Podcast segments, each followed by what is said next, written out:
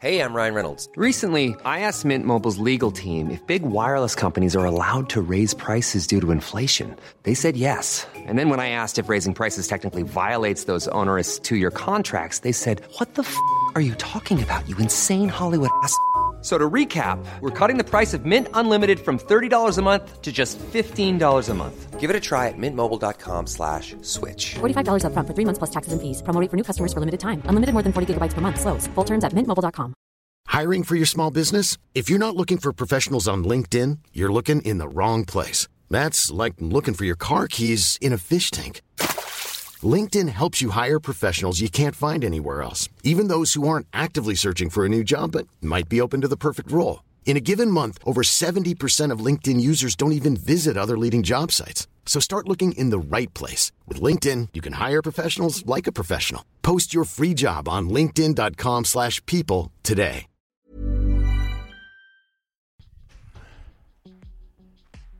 Hej och välkommen till, eller välkommen tillbaks till Brottsofferpodden. Mitt namn är Joakim Lindén Kastenbäck. Detta avsnitt heter Genomskåda narcissisten. För jag intervjuar en tjej som heter Martina som har skrivit en bok med samma namn. Denna bok handlar om hennes egen erfarenhet när hon hamnar i klona på en narcissist.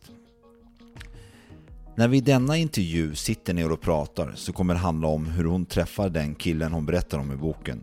Hur hon gång på gång valde att gå tillbaks till honom trots att hela hennes väsen ofta skrek att hon skulle avstå.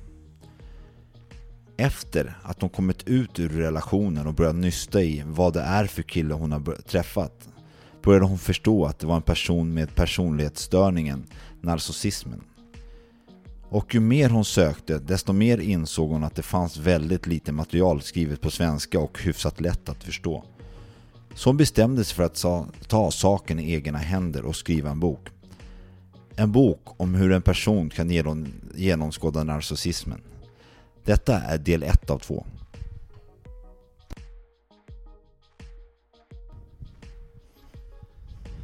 Sådär Martina, välkommen! Tack så mycket. Tack, kul att ha dig här. Tack. Tack för att jag fick komma hit. Ja, jag är jätteglad för det och eh, vi är här för att prata om en specifik bok du har skrivit. Så här, vad heter den boken? Genomskåda narcissisten. Väldigt intressant namn. Och jag kan säga så här, jag har själv hållit på att lyssna, jag har lyssnat på 80% av den här boken och jag, eh, vissa delar av när du beskriver den här narcissisten, jag blir lite rädd över mig själv.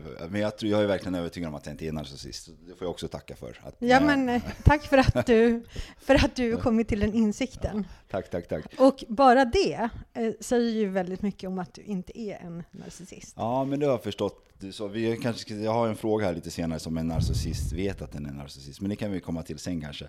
Men eh, i början av boken så säger du typ att, eh, eller då säger den här snubben till dig, ursäkta att jag säger snubben kanske. Ja, men det, det, jo. det funkar jättebra. Bra, bra. Att du borde skriva en bok om alla dina män. Så här. Hur kommer det sig att han, hur kommer det att han säger en sån grej till dig? Det, är, det, det bygger ju på två olika delar. Dels för att jag har skrivit en bok tidigare som heter Kärleksretorik. Men den kom ut så jättelänge sedan. Eh, Den kom ut 2009. Så att jag, det, det är liksom nästan så att jag själv har inte ens kommer ihåg vad som står i den. Vet du, kärleks... Retorik. Retorik. Jag vet inte riktigt vad retorik betyder. ska ärlig. Eh, nej, men det handlar om eh, kommunikation. Ah, okej. och, och då handlar den boken om just kommunikationer eh, i kärleksrelationer. Eh, och bland annat hur man ska kommunicera med varandra för att få en relation att funka. Det är ju jätteintressant ändå att eh, den boken handlar om det. Sen nästa bok handlar om, nu skrattar Ja. jag lite här, att genomskåda narcissisten. Och, eh, och den, du skrev kanske inte den boken som ett, eh, ett syfte för att du ville själv studera en narcissist. Du skrev den för att du faktiskt träffade en narcissist. Ja, precis. Det var så det började. Och han sa den här meningen som jag också inleder eh, boken med att eh, ska du inte skriva en bok om alla dina män? Och det var ju en, eh, en pik till mig om att jag har haft eh, relationer eh, med olika män innan honom. Och jag menar, jag är 46 år gammal, så såklart jag har haft Ja. relationer innan honom. Men det var en pik eh, från honom till mig för att jag skulle känna mig lite ja, men så här slampig och horig. Hur långt in i er relation var han sa just den kommentaren? Eh, Han sa det ganska tidigt faktiskt. Fick du någon så här varningsklocka eller fick du någonting som så här, Eh, ja, men då tyckte jag så här, ja men gud, han, han är lite svartsjuk, tänkte jag. Och eh, ja, men lite så här, eh, ja, men så här, har funderingar kring mitt tidigare liv.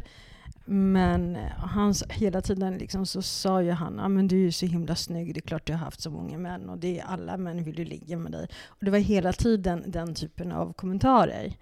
Så det blev typ som att han gav dig en komplimang samtidigt som kommer någon motgrej i det hela, Ja. han trycker ner dig ordentligt. Exakt så. Så förstår, förstod du själva... För du är lite en expert på det här med relationer då kan man ju säga, som du har skrivit den här boken innan. Förstod du vad som höll på att hända med dig när han höll på på det här sättet? Inte alls. Du blev totalt överkörd som en ångvält. Ja, exakt.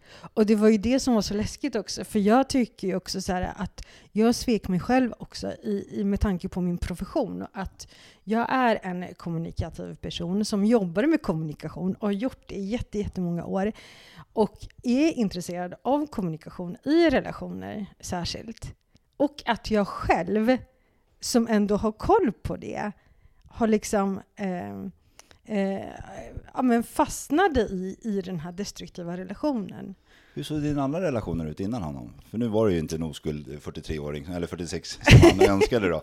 Så, så du hade antar att du haft Eh. relationer innan. Hur såg de ut? Ja, men det var ju vanliga relationer. Det var ju liksom att jag har ju varit sambos och haft och särbos och haft eh, eh, både långvariga och kortvariga relationer. Men både liksom innehållsmässigt under liksom relationens gång och uppbrottet. Det, är liksom, det var ju som natt och dag om man jämför med narcissisten. Så att, så att det var, fanns ingen, inga likheter alls? Det var Eh. lite därför du blev tagen på... Ja, men jag blev, precis, jag blev ju tagen på sängen. Samtidigt, det var ju väldigt bra. Alltså de här topparna var ju otroligt, otroligt höga och bra. Samtidigt som dalarna var otroligt negativa och dåliga. Så det var hela tiden det här liksom kallt och varmt och kallt och varmt. Så det skiftade väldigt, väldigt mycket. Det var liksom inte någon så här balans. Och hela tiden så hände det ju att jag tänkte tillbaka att men jag vill tillbaka till den här toppen för att den var så himla, himla bra. Och sket i eh, det här negativa och destruktiva som Mm. pågick. Ja, för du säger det som jag tyckte var väldigt intressant. För jag har ju döpt ett tidigare poddavsnitt till När pojkvännen blir en drog. Och du säger ganska tidigt i boken också att det kan jämföras som ett, ett drogmissbruk. Att man går tillbaka till någonting som är väldigt dåligt för en. Exakt.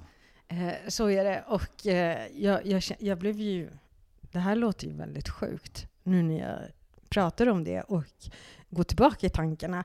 Men att jag blev beroende. Jag blev beroende av att ha den här relationen med honom. Och jag blev beroende av honom, av den här toppen jag fick av honom. Men det här dåliga som blev liksom följden av det, eh, det, det struntade jag i. Jag måste fråga det här med toppen. Är det så att om man jämför med dina så kallade sunda relationer, som också garanterat har toppar och bottar, fast de kanske inte är lika svajiga.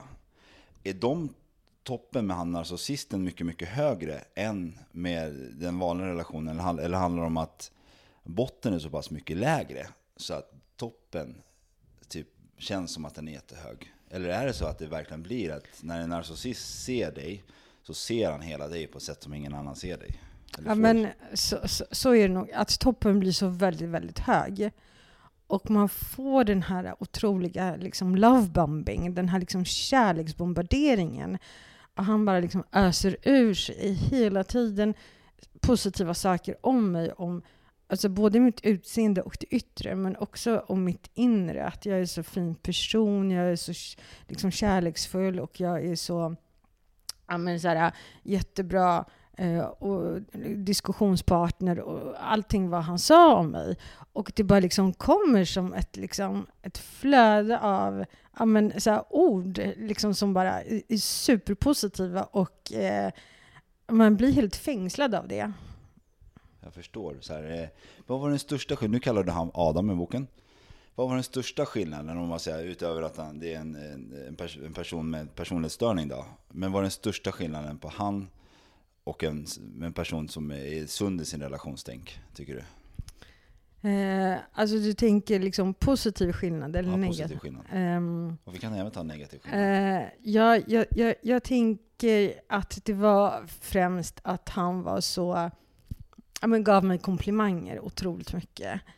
Och ehm, alltså strösslade bara superlativer över mig. Ehm, från, allt från sms till både liksom ord. Så det var liksom eh, det var hela tiden så hjärt-emojis som jag fick på sms. Alltså från första början, från första dejten. Och det här var väldigt ehm, ovanligt för mig. För jag tänker så här, jag hade ju dejtat eh, innan honom.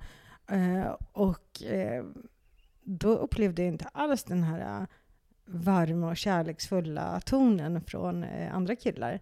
Och då kommer han liksom som en riddare på en vit häst. Ja, liksom. Men det, det är så här, han bara stormar in och bara över, överflödar det med grejer. Det är kanske inte så jätte, även fast det låter jättegulligt och jättesött så, här, så är det kanske... Fick du någon varningsklockor? Tänkte du att bara, shit, det här är inte normalt eller? Varför händer det här mig? Eller var det bara här, vilken tur jag nu är det trisslottens högsta vinst jag fått där. Nej, men jag, tänk, jag, tänk, jag, jag blev ju väldigt eh, eh, charmerad och eh, ja, men jag blev väldigt... Eh, jag uppskattade ju att han betedde sig så. Men samtidigt så kände jag också att det här, det här är för tidigt för den här typen av eh, ja, men uttryck och att han eh, berättar de här sakerna för mig som han berättade. Eh, som exempel så sa han på jag tror andra eller tredje dejten, att han vill skaffa barn med mig. Och ehm, det är väldigt snabbt. eh, det är väldigt Ja. snabbt. Och att han tycker att, och, men, och då frågade jag, och jo, att han älskade mig så väldigt mycket. Och då ställde jag den frågan till honom, men det här är ju inte, alltså du känner inte mig, hur kan du, hur kan du ens säga de här sakerna till mig? Nej men det är så du får mig att känna och det är så här, det vi har är väldigt speciellt. Så att det var, jag, jag blev ju väldigt här, överrumplad av det här positiva. Men det är klart, jag tänkte ju redan då att det här var ju inte riktigt normalt. Ja, du fick ändå någon så här... Ja, jag fick det. Jag fick det, men jag struntade i det. Följde den här grejen med dig som du pratade om, du fick ändå en så här, följde den med dig typ under större tiden av relationen sen? Sen förstod jag att den blev kraftigare och sen tog över och du kom ur det liksom. Men fanns den med där? Och, och det har kanske gjort att du på något sätt har trampat på dig själv, att du på något sätt visste att det var någonting som var konstigt. Exakt så. Och det var så jag tycker så här, det var ju det sveket som var att jag inte lyssnade på det som faktiskt min kropp signalerade, eh, om det var magkänslan eller, eller, eller liksom vad det nu var. Men det var, jag hade ju sådana här, men så här konstiga vibbar kring det också. Så det var ju inte bara så att jag kände så här positiv, eh, eh, positiva känslor kring det, utan det var ju också att jag kände väldigt mycket negativt. Men eh, jag sket i det. Var det negativa för att du tänkte att någonting var konstigt eller var det något negativt till hans beteenden? Både och. Eh, jag, jag, jag tyckte ju att, ehm, att, att det beteendet som han visade, det var ju ändå fast jag blev ju liksom lockad av att vara med honom, för han lockade in mig i, i, i, i relationen just på grund av det, så kände jag ju att, att det inte Nej, men att det inte är normalt. Att man, man beter sig inte så liksom efter bara att ha träffats två eller tre gånger. Utan det dröjer ju att man måste ju liksom lära känna en människa för att ens kunna eh, få den här typen av känslor och för att kunna eh, ha en, en uppfattning om en annan människa, om den här personen är för mig och om jag känner så. Men jag tror att det här är ett uträknat beteende av en narcissist överlag. Nu pratar vi om Adam. Var det uträknat av Adam att bete sig på det här sättet? Eller kommer det naturligt att han, han har bara en talang, precis som Messi har i fotboll? Att hans talang är att han ska på något sätt kan vara, tyvärr, på ett ont sätt mot människor utan att ens tänka på det? Eller tror du att det är ut, han har gjort så många misstag i beteende mot andra tjejer som han har lärt sig hur han ska vara för att få så mycket som möjligt nytta av dig själv? Jag tror att det är helt uträknat. Uträknat. 100 procent. Det kan ju vara så att han har ju haft en viss talang, men han har, han har ju liksom utvecklat den talangen. Och jag kan ju också tillägga att han ser ju väldigt bra ut, så för honom är det inte svårt att få tjejer. Eh, och eh, han, det är väldigt många tjejer som, som gillar hans utseende, om jag ska, om jag ska bara liksom gå på det ytliga. Så för honom så har det inte varit så här svårt att locka till sig eh, kvinnor. Och jag tror att han kanske har haft den här, liksom, har spelat på sitt utseende väldigt mycket eh, tidigare, men sen så har han liksom lärt sig hur han ska bete sig. Så att det han gjorde mot mig tror jag är helt eh, beräknat. Ja, för att i boken så pratar du väldigt mycket om eh, tjejen i andra staden. Mm. Alltså jag blir så nyfiken, vilken stad är det? Men det är ju skitsamma liksom. Men, det kan jag men, inte gå in nej, på. Nej, men det ska vi inte göra heller. Så, men men det, det måste verkligen varit ett, nu när du tittar på det efteråt, ett, ett brott mot dig själv. Så här, för att det var jag, så tydligt, för det var ju väldigt tydligt med vad den här boken skulle handla om, att du blir berådd och att han är, var inte speciellt schysst mot dig. Att hon var med hela tiden, det måste varit hemskt. Ja, men jag skulle inte ha gått in i relationen om jag visste att hon skulle vara så permanent som hon blev. Hade jag vetat om att eh, han aldrig skulle göra slut med henne och att de fortfarande hade en relation så hade jag inte gått in i relationen överhuvudtaget. Eh, och jag kan ju också säga då att han hela tiden har ju sagt att nej men, vi har ingen relation, jag och hon, utan jag, eh, hon är bara en galning som håller på att eh, eh, ja, men hon kan inte acceptera att vår relation är slut, hon låter mig inte vara. Eh, men jag, jag, jag orkar liksom inte uh, ha någonting mer med henne att göra. Och jag, jag, det är det jag är med. Och det, det är du och jag nu. Och vi två är ihop. Hon och jag, vi har ingenting. Eh, men ändå så fortsätter ju den här kontakten med henne.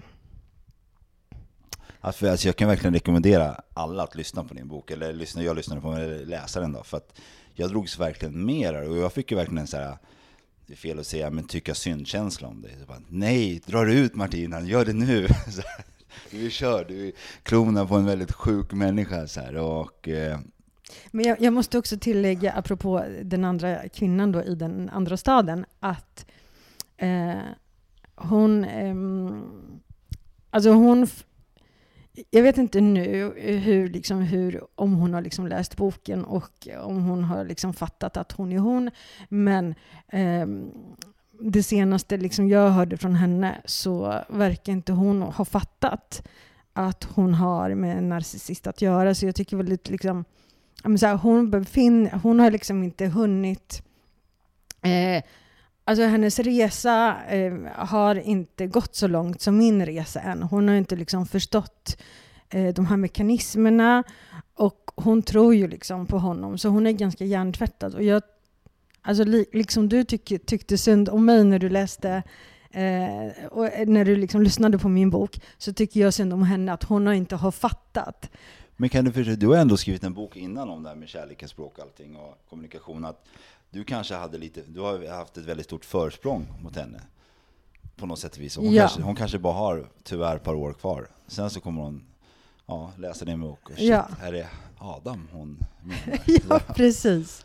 Men du vet, du har fortfarande inte, du har inte, efter, för jag vet att det blir ingen direkt avslut, nu ska jag inte berätta för mycket om boken, men du har inte haft någon kontakt med henne sen boken kom, hon har inte hört av sig? Eh, inte sen boken kom, nej. Men jag kan säga att hon kontaktade mig i somras. Ah, okay. Det, det står inte i boken, ah, men jag kan avslöja det här och nu. eh, hon hade gått in på mitt Insta-konto. Ah.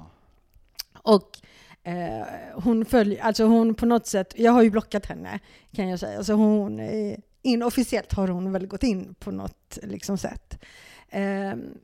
Och då kontaktade hon mig och så skrev hon att hon följer mig, alltså hon ser mina inlägg och hon undrar då om den här boken jag skriver är om Adam. Aha, så hon undrade, men, på, men i nästa mening så skrev hon så här, nej men jag tror nog inte att det är det. Eh, men jag vill ändå att du berättar eh, vad som har hänt mellan er den sommaren det hände. Så hon trodde att det handlade om en sommar som vi hade en fling. Men det här höll ju på i tre och ett halvt år. Jag ser. Alltså vilken jobbig... Alltså, jag förstår inte han orkar hålla på det här med få dig att misstro henne, få henne att misstro dig och, och själva sitt hus i ordning. Och det måste vara väldigt energikrävande. Ja, och jag tror, förutom oss två, så tror jag att han hade fler samtidigt också. I Varför? min liksom... Alltså det här är min spekulation, jag vet ju inte. Men jag kan utifrån liksom eh, hans personlighet och det han, eh, vem han är så skulle det inte förvåna mig om han också hade andra kvinnor förutom oss två. Ja, för det låter ju lite som att jag är ju, som de flesta som lyssnar på den här podden vet, en före detta beroendemänniska. Eller jag är väl en beroendemänniska fortfarande. Men jag har, jobbar med mitt tillfrisknande hela tiden. Eh, och det låter som att en narcissist är en människa med en extrem hög självförtroende och lider av stort bekräftelsebehov men ingen självkänsla. Mm. Så att de är, inte, de är inte bättre än det senaste negativa om de hör om sig själva. Så här. Och de är självklart det senaste bäst bra de har hört om sig själva. Och de får ju säkert, som du säger, han ser bra ut. Så han får höra väldigt mycket bra. Och det är det han identifierar sig själv med. Kan det stämma lite? Ja, eh, ja absolut. Det, eh, det tror jag absolut. Ja, för att det... Ja, vilken människa alltså. Men alltså under den här relationen du hade med honom, du höll på i tre och ett halvt år. Så här, pratade du med dina vänner? Typ om så här, det, han är så här mot mig, men det är något konstigt. Sa du någonting till dem? Nej. Ingenting. Hur Nej. kommer det sig? När jag, eh, när jag pratade om oss, då var det bara liksom så här, gud jag har träffat en, en så här skitbra kille och han är jättegullig och vi har så här jättebra relation med varandra. Ingenting om det här negativa överhuvudtaget. Absolut ingenting. Min, om jag ursäkta jag avbryter Martin, men kan du komma på, om du backar bandet lite, kan du minnas någon gång när du pratar med dina vänner om topparna, att du faktiskt tänker på att du inte nämner bottnarna? För det måste ju funnits någonting där att du faktiskt, eftersom det måste varit en jättestor del av din och Adams relation, men att du inte nämner det. Ja, det, det är helt galet. Men jag tror att man är så himla... ehm, alltså man skäms ju på något sätt tror jag. Man, man skuldbelägger sig själv och man vill inte prata högt om det här eh, negativa och det dåliga.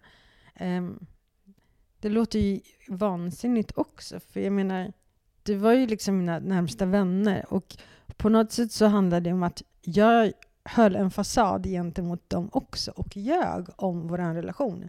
Vilket är helt galet. Alltså när jag alltså, tänk på det idag, det är ju vansinnigt att det, har, att det blev så. Men jag kan ju också tillägga att till slut så hände det här att jag hade en kompis som bodde utomlands eh, och flyttade då eh, när mina Adams relation höll på och flyttade utomlands och bodde där. Och så kom han tillbaka till Sverige för att hälsa på. Och då träffade jag eh, min kompis. How would you like to look five years younger? In a clinical study, people that had volume added with Juvederm Voluma XC in the cheeks perceived themselves as looking five years younger at six months after treatment. Look younger, feel like you. Add volume for lift and contour in the cheeks with Juvederm Voluma XC. Reverse signs of aging by adding volume to smooth laugh lines with Juvederm Volure XC. For important safety information and to find a licensed specialist, visit juvederm.com. That's J U V E D E R M.com. Not for people with severe allergic reactions, allergies to lidocaine, or the proteins used in Juvederm. Common side effects include injection site redness, swelling, pain, tenderness, firmness, lumps, bumps, bruising, discoloration, or itching. There's a risk of unintentional injection into a blood vessel, which can cause vision abnormalities, blindness, stroke, temporary scabs, or scarring. Talk to a licensed specialist to find out if it's right for you. I'm Sandra, and I'm just the professional your small business was looking for. But you didn't hire me because you didn't use LinkedIn jobs. LinkedIn has professionals you can't find anywhere else, including those who aren't actively looking for a new job but might be open to the perfect role, like me. In a given month, over 70% of LinkedIn users don't visit other leading job sites. So if you're not looking on LinkedIn, you'll miss out on great candidates like Sandra. Start hiring professionals like a professional. Post your free job on linkedin.com/people slash people today. Och då pallade jag väl inte liksom mentalt. Utan bara öste ur mig. Liksom. Det, här, det här händer i vår relation och det här är vad Adam gör mot mig och det här bla bla bla bla. Och bombarderade honom, alltså min kompis, med saker. Alltså negativa saker, destruktiva saker, händelser som Adam gjorde mot mig. Och då responderade min kompis här, men alltså Martina, du håller på att bli psykiskt nedbruten av Adam. Och min eh, omedelbara respons var nej men absolut inte, nej, nej, nej, nej, nej, så är det inte. Eh, och då kunde den här kompisen eh, alltså märka det eftersom hans egen mamma eh, var i ett förhållande med en psykiskt sjuk man. Så han kände igen ett beteendemönster och därför kunde han direkt liksom picka, alltså så här, pinpointa vad det var som höll på att ske här. Men jag var ju helt fin- i förnekelse. Intressant. Intressant. Så, här. Ja, så när den här, din vän drar upp de här, bör- börjar du försvara Adam då helt plötsligt? Ja, såklart. Men någonstans så sådde han frön eh, inom mig. För att det första jag gjorde när jag kom hem efter den, liksom det mötet med kompisen, det var ju att eh, googla. Psykisk misshandel och eh, bryta ner psykiskt. Det var liksom mina sökord. Och då fick jag upp massa träffar, just om psykopater och narcissister. Och började läsa. Eh, och då kunde jag liksom bocka av väldigt, väldigt mycket eh, av det som stod i de här artiklarna. Jag förstår, vad då du börjar kanske ana att, hur lång tid, Ja. var, hur lång tid på relationen var det här? Det här var precis på slutet. Ja, precis på slutet. det här var så. kanske mm, två, tre månader innan. Ja, okej. Ja, för det var en fråga jag har så här sen att... Eh, eh, nu har jag ju lyssnat på boken så jag vet ungefär svaren, men jag tänkte det är kul att ställa i alla fall, när du börjar misstänka att han var narcissist. Men innan vi kommer dit så tänkte jag att vi ska... Nu har du nämnt lite varningssignaler med att det var väldigt mycket kärleksbombing. Så här, men om man bort, tar bort dem, så här, när var under relationen, inte av det du vet nu, för det är också en fråga. Så här, när var den första varningssignalen tycker du? Den riktiga varningssignalen, så att någonting är galet. Det var egentligen på första dejten, när han berättade om kvinnan i den andra staden. För han var ju väldigt öppen med det. Men han berättade så här, utifrån att men vi har bara en så här KK-relation. Det är ingenting eh, liksom kärleksfullt. Det är ingen liksom fullvärdig och, eh, Ehm, och en så här, normal relation som vi har. Utan eh, jag, jo, för det ska jag också tillägga att han, eh, jag och han, vi bor i Stockholm. Men han reser eh, i, inom landet i sitt jobb. Och reste då väldigt mycket till eh, den här kvinnans stad där hon bor. Um, men då sa han så här, men han träffar henne när han är där i den andra staden. Och de har bara sex ihop. Men säg henne, för, ett, för mig som då antar är hyfsat normal här, hade det, nu har jag inte jag levt sådär, men skulle jag levt det skulle jag absolut inte sagt det, för jag skulle vara rädd för att skrämma bort dig. Men säger han det av taktiken att han ska få dig typ så här att du vill ha han mer? Det ska bli, eller vilken taktik har han med att säga det tror du? Eh, jag, jag tror han sa det för att, så här, för att skapa tillit. För att jag skulle liksom lita på honom att ja, men han har någon där. Eh, Men så här, öppna upp sig för att här, avslöja lite så här, hemligheter om sig själv. Och känna då att han är så öppen mot mig.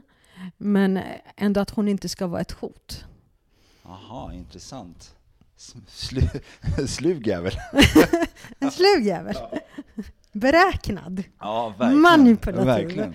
Ja, du, du ser så här. Men så där var första varningssignalen ordentligt. Men om man, kom det någon senare utöver det här? Det här som Ja, var men så det- här det- kraftigt? Ja, men, men det var ju så här, det var ju först det här. Och sen så kom den här kärleksbombarderingen som jag då tolkade positivt och inte negativt. Ehm, och sen eh, nästa grej, det var ju att han blev, ehm, ja men han bara gled iväg och försvann från jordens yta. Det gick liksom inte, alltså vi har, vi har liksom kontakt och vi träffas och vi dejtar och vi liksom hänger. Och sen rätt vad det är så försvinner han. Och han slutar höra av sig. Eh, och eh, när jag hör av mig till honom så svarar han inte. Han, bara för, han är bara liksom borta. Eh, och det är den också så här, eh, det här var super, super jobbigt att inte veta vad, vad är det som händer med honom? Vad är det som händer med oss? Blir han sur på mig? Eh, vad, vad, vad, vad håller han på med? Eh, och det var jobbigt att inte få svar. Och sen, så rätt vad det är, så dyker han upp och det kan ha dröjt några dagar, några veckor, några månader.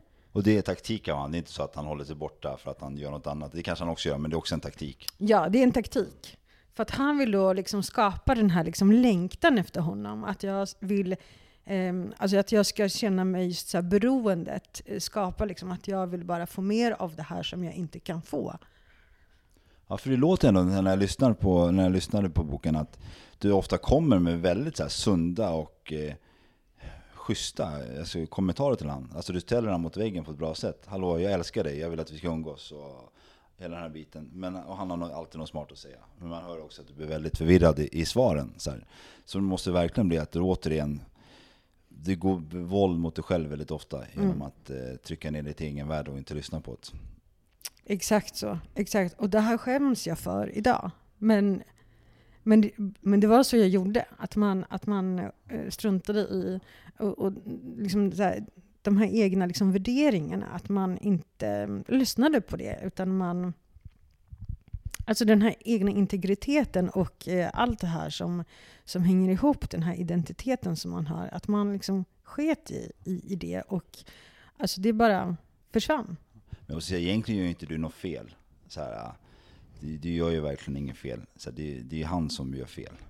Så här, så att, eh, men jag förstår också att det blir väldigt mycket skam och skuld. Det kan, kan jag verkligen tänka mig att det blir hur mycket som helst. Just den här ovissheten till det här. Men om du skulle ha någon annan person, Martin eller någon annan som var i, med din erfarenhet som var i den här resan. Så här, vad är det första varningstecknet man ska titta efter, tycker du? Jag, jag, jag tycker så här, känns det för bra för att vara sant? Så här, precis i början så ska man nog eh, lyssna på de signalerna att då är, då är det för bra för att vara sant. Eh, alltså folk går inte runt och kärleksbombarderar andra människor. Alltså det är inte så att du, liksom när du går förbi någon på gatan, det är inte så att du överöser den personen med liksom kärlek, för du känner ju inte den personen. Men så känns det liksom fortfarande efter första andra träffen att ni känner inte varandra tillräckligt väl. Och då kan den personen omöjligen känna så starka känslor för dig. Utan det kommer ju, det, liksom, det byggs ju upp. Det, det krävs ju liksom att man lär känna varandra. I vilket stadie var du i, i livet när han dyker in i ditt liv? Var det så att det var ett speciellt stadie så att hans beteende passade perfekt? Det kom in som en så här, eh, du så nämnde förut, en riddare på vit häst här. Eller var det så här stadie, eller vad, vilket stadie var det i som gjorde att... Eh, jag hade varit singel i, nu minns jag inte exakt hur länge, men säg några månader. Eh, och, eh, och då hade jag en, eh, precis, alltså mitt privata liv, då hade jag en familjemedlem som eh, var i slutskedet av sitt liv. Så att jag var, eh, jag visste liksom att det, alltså döden skulle liksom vara liksom ganska närvarande. Så att jag, jag var jätteledsen över det. Och sen hade jag en eh, så här, inbokad, jag har haft så här komplicerat um, um, en, jag var med om en så här komplicerad olycka eh, för ett antal år sedan eh, där jag bröt mitt ben på ett väldigt, väldigt eh, jobbigt och komplicerat sätt. Och det här var så här, och jag fick genomgå flera olika operationer.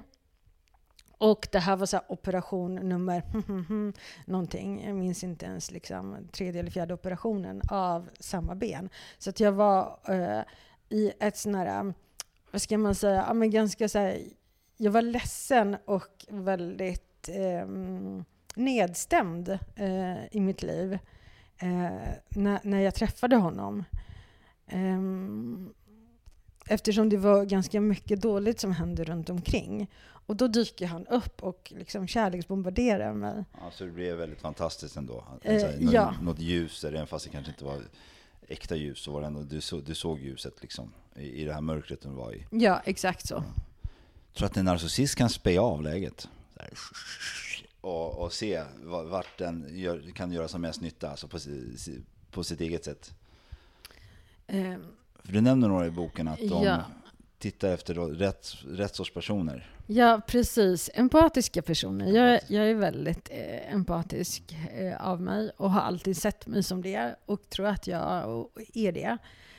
Ehm, och det är den typen av personligheter som de söker. Och eh, när jag och Adam var på våran, minns inte nu, men säg att så här, första, andra eller tredje träff Eh, då berättade jag om att jag hade varit um, några år tidigare på en um, och volontärjobbat i, eh, på ett ställe för hemlösa hundar i Spanien. och berättar om den här upplevelsen för honom. Och då när jag berättade det, då började jag liksom gråta för att jag liksom tänkte tillbaka på hur liksom fin den här upplevelsen var. Och då såg ju han då liksom att jag började liksom eh, gråta på den här eh, dejten. Och då tror jag att han direkt så här, ja, men fastnade för liksom, så här, men gud, nu är det den här eh, personen som jag precis som jag söker efter. Hon är högkänslig och hon gråter och hon visar känslor och hon har liksom gjort de här, den här resan till Spanien liksom för det ändamålet. Ja, men då är det här, det här är liksom måltavlan för mig. Jag tror att det går bara automatiskt för dem. Eller tror att de tänker också, den här ska jag köra mer på. Är de så uträknade tror du? De är så uträknade. Ja, alltså, de är jäkliga. Hem. Jag ska säga så här, vi behöver inte kanske gå in på alla tecken vad en narcissist är, men det gör ju verkligen du i boken. Som återigen, jag verkligen rekommenderar alla att läsa, för att det finns nog väldigt många narcissister ute man har i sin omgivning.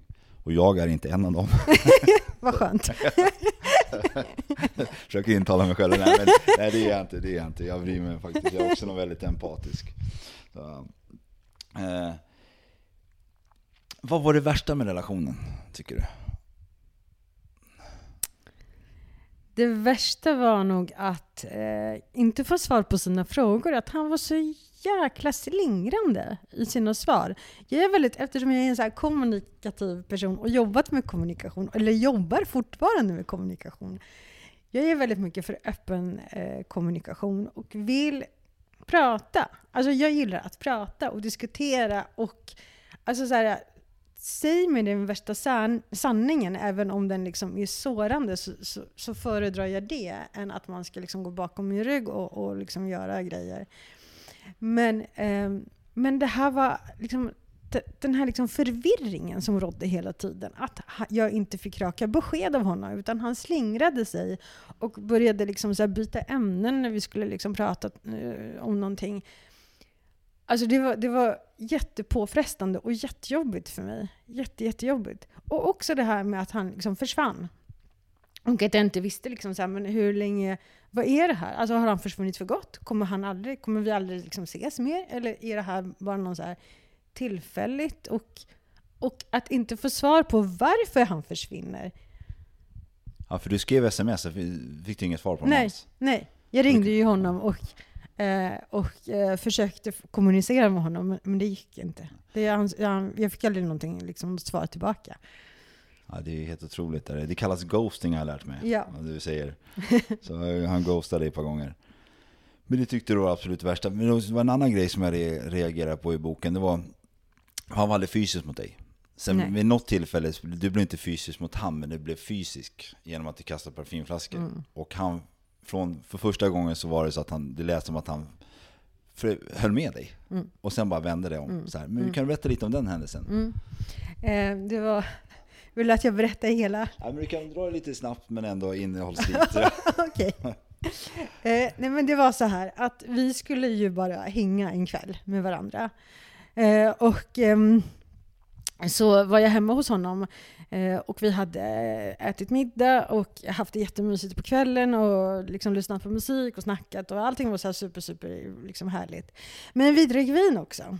Eh, och jag vet inte om det kanske var en kombination av det här, men Sen när vi skulle precis gå och lägga oss, då eh, är jag i badrummet och eh, ska liksom så här, men fixa mig inför natten. Då. Jag sminkar av mig och eh, tvättar mitt ansikte och borstar tänderna. Och då öppnar jag badrumsskåpet. Och där i, och det här var, då hade vi liksom varit väldigt, ihop väldigt intensivt under, jag minns inte exakt, men säg sex, sju månader eller något sånt. Och då på hyllorna står det hennes prylar. Precis som hon har liksom lämnat dem. Och henne det är flickan i andra staden? Ja, exakt hennes ja, men ansiktskrämer och det var tandborste, det var någon hårborste och det var gummisnoddar och allt vad man liksom har i badrumsskåpet. Och jag blev så vansinnig på det här. För att eh, alltså mitt hjärta började liksom slå jättemycket. Och jag tror att här, i kombinationen med lite för mycket vin i kroppen och den här enorma frustrationen att människan inte har liksom avslutat en relation med henne, fast han har liksom pratat om det hela, hela tiden. Ja, för han hade lovat det ganska länge att Ja. han skulle avsluta. Ja, i flera år. Flera år också. Och, och att hon fortfarande har en, liksom en så här tydlig plats hemma i hans lägenhet. Och där står ju liksom hela badrumsskåpet är i princip fullt med hennes produkter. Alltså då klarar han inte av det och då började jag liksom skrika att han måste göra sig av med det här liksom nu och sen så blev jag lite för liksom aggressiv eh, när jag tänker tillbaka. Jag skäms ju över det här jättemycket för att jag är inte alls sån som person. Men han lockade fram det här värsta i mig. Och att jag liksom började reagera med att jag liksom skrek på honom. Jag började liksom kasta de här liksom produkterna eh, runt omkring och, eh, och tog en eh, påse som var i köket och bara slängde hennes produkter och bara drog med handen över den här liksom badrumshyllan. Eh, och så alla produkter bara rasade ner. Tyckte du det var skönt när du väl gjorde det eller? Väldigt. Ja. Jag förstår. Men alltså det måste ju vara, måste ändå vara ganska frustrerande att, du berättade att du haft en fantastisk kväll med killen som inte alltid ser dig, men han vill se dig så ser han dig och det känns som nu är det äkta. Och du öppnar ett badrumsskåp och där är den här kvinnan som har varit ett större moment från dag ett. Ja. Som skulle varit borta sedan länge. ja. Så jag förstår det att var- du blir frustrerad. Ja, och det här är så jäkla respektlöst. För att jag menar, nu är jag här hemma hos honom. Alltså vi umgås, vi har en relation. Och hon har, alltså hon är i hans lägenhet. Och han liksom så här, men han tycker inte att det är något problem. Han tycker så här, men vad fan. Men hon var ju där för att eh, hon, hon var ju liksom, hon åkte ju hem till honom och fortfarande att de hade en relation. Det var ju liksom därför som hennes produkter fick vara kvar eh, hemma i hans lägenhet. Men jag fattade ju inte det. Eh, alltså jag misstänkte ju det såklart, men jag hade ju inte det svart på vitt. Du ville liksom, inte se det, liksom. Nej, jag ville liksom, jag förnekade det för mig själv. Eh, men då i alla fall, då blev jag ju väldigt, man kan säga så här, men jag blev väldigt våldsam. Jag slängde de här produkterna och liksom betedde mig fysiskt och inte mot honom, inte att jag slog honom, men jag liksom så här, eh, drog ner produkter och slängde grejer i golvet och slängde den här liksom påsen med de här produkterna i väggen så allting bara liksom gick sönder och eh, kastades ner till golvet. Alltså det var väldigt frustrerande. Jag, det är liksom aldrig någon tidigare som har liksom lockat fram de sidorna hos mig. Och det är så läskigt när jag tänker tillbaka att det här var jag som betedde mig så, som gjorde de här grejerna. Tack vare den här enorma frustrationen som hade byggts upp inom mig. Hur länge hade ni träffats vid det här laget? Från den här första dejten tills nu? Var- Tills den incidenten, Ja. ja. men då var det liksom on-off i typ tre års tid. Ja, exakt. Det var under ganska lång tid. Ja.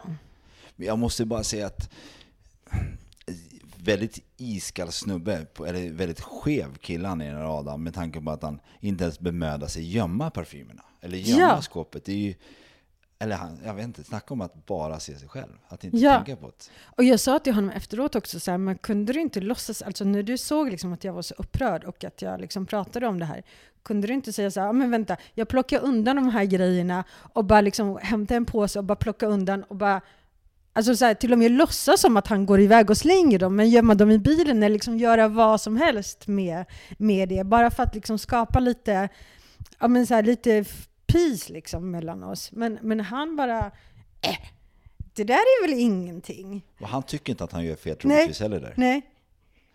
Nej, det är ju jätteskevt, men också väldigt på något sätt intressant med den här personlighetsstörningen som folk kan ha.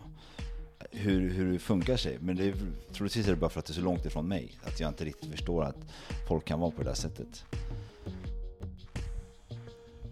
Ni har nu lyssnat på del 1 av 2 av Genomskåda Narcissisten.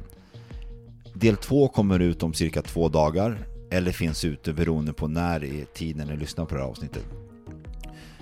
Jag vill återigen tacka alla som lyssnar och sprider denna podd. Följ oss gärna eller på, eller följ oss gärna på, eller oss, följ mig gärna på Brottsofferpodden på Instagram eller Facebook. Skriv gärna mail till mig på brottsofferpodden at gmail.com. Ha en fortsatt fin morgon, dag, kväll, natt eller vad nu klockan är och så hörs vi snart igen. Tack, kram, kärlek till er alla.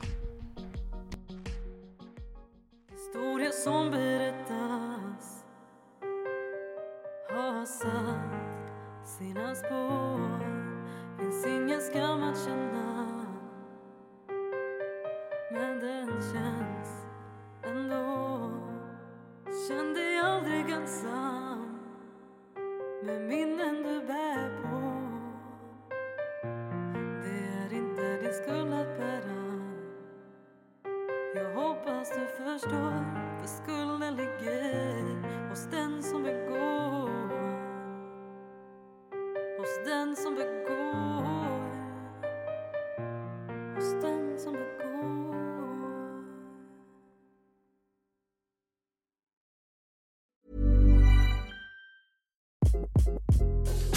this is Craig Robinson from Ways to Win, and support for this podcast comes from Invesco QQQ, the official ETF of the NCAA. Invesco QQQ is proud to sponsor this episode and even prouder to provide access to innovation for the last 25 years. Basketball has had innovations over the years too. We're seeing the game played in new ways every day.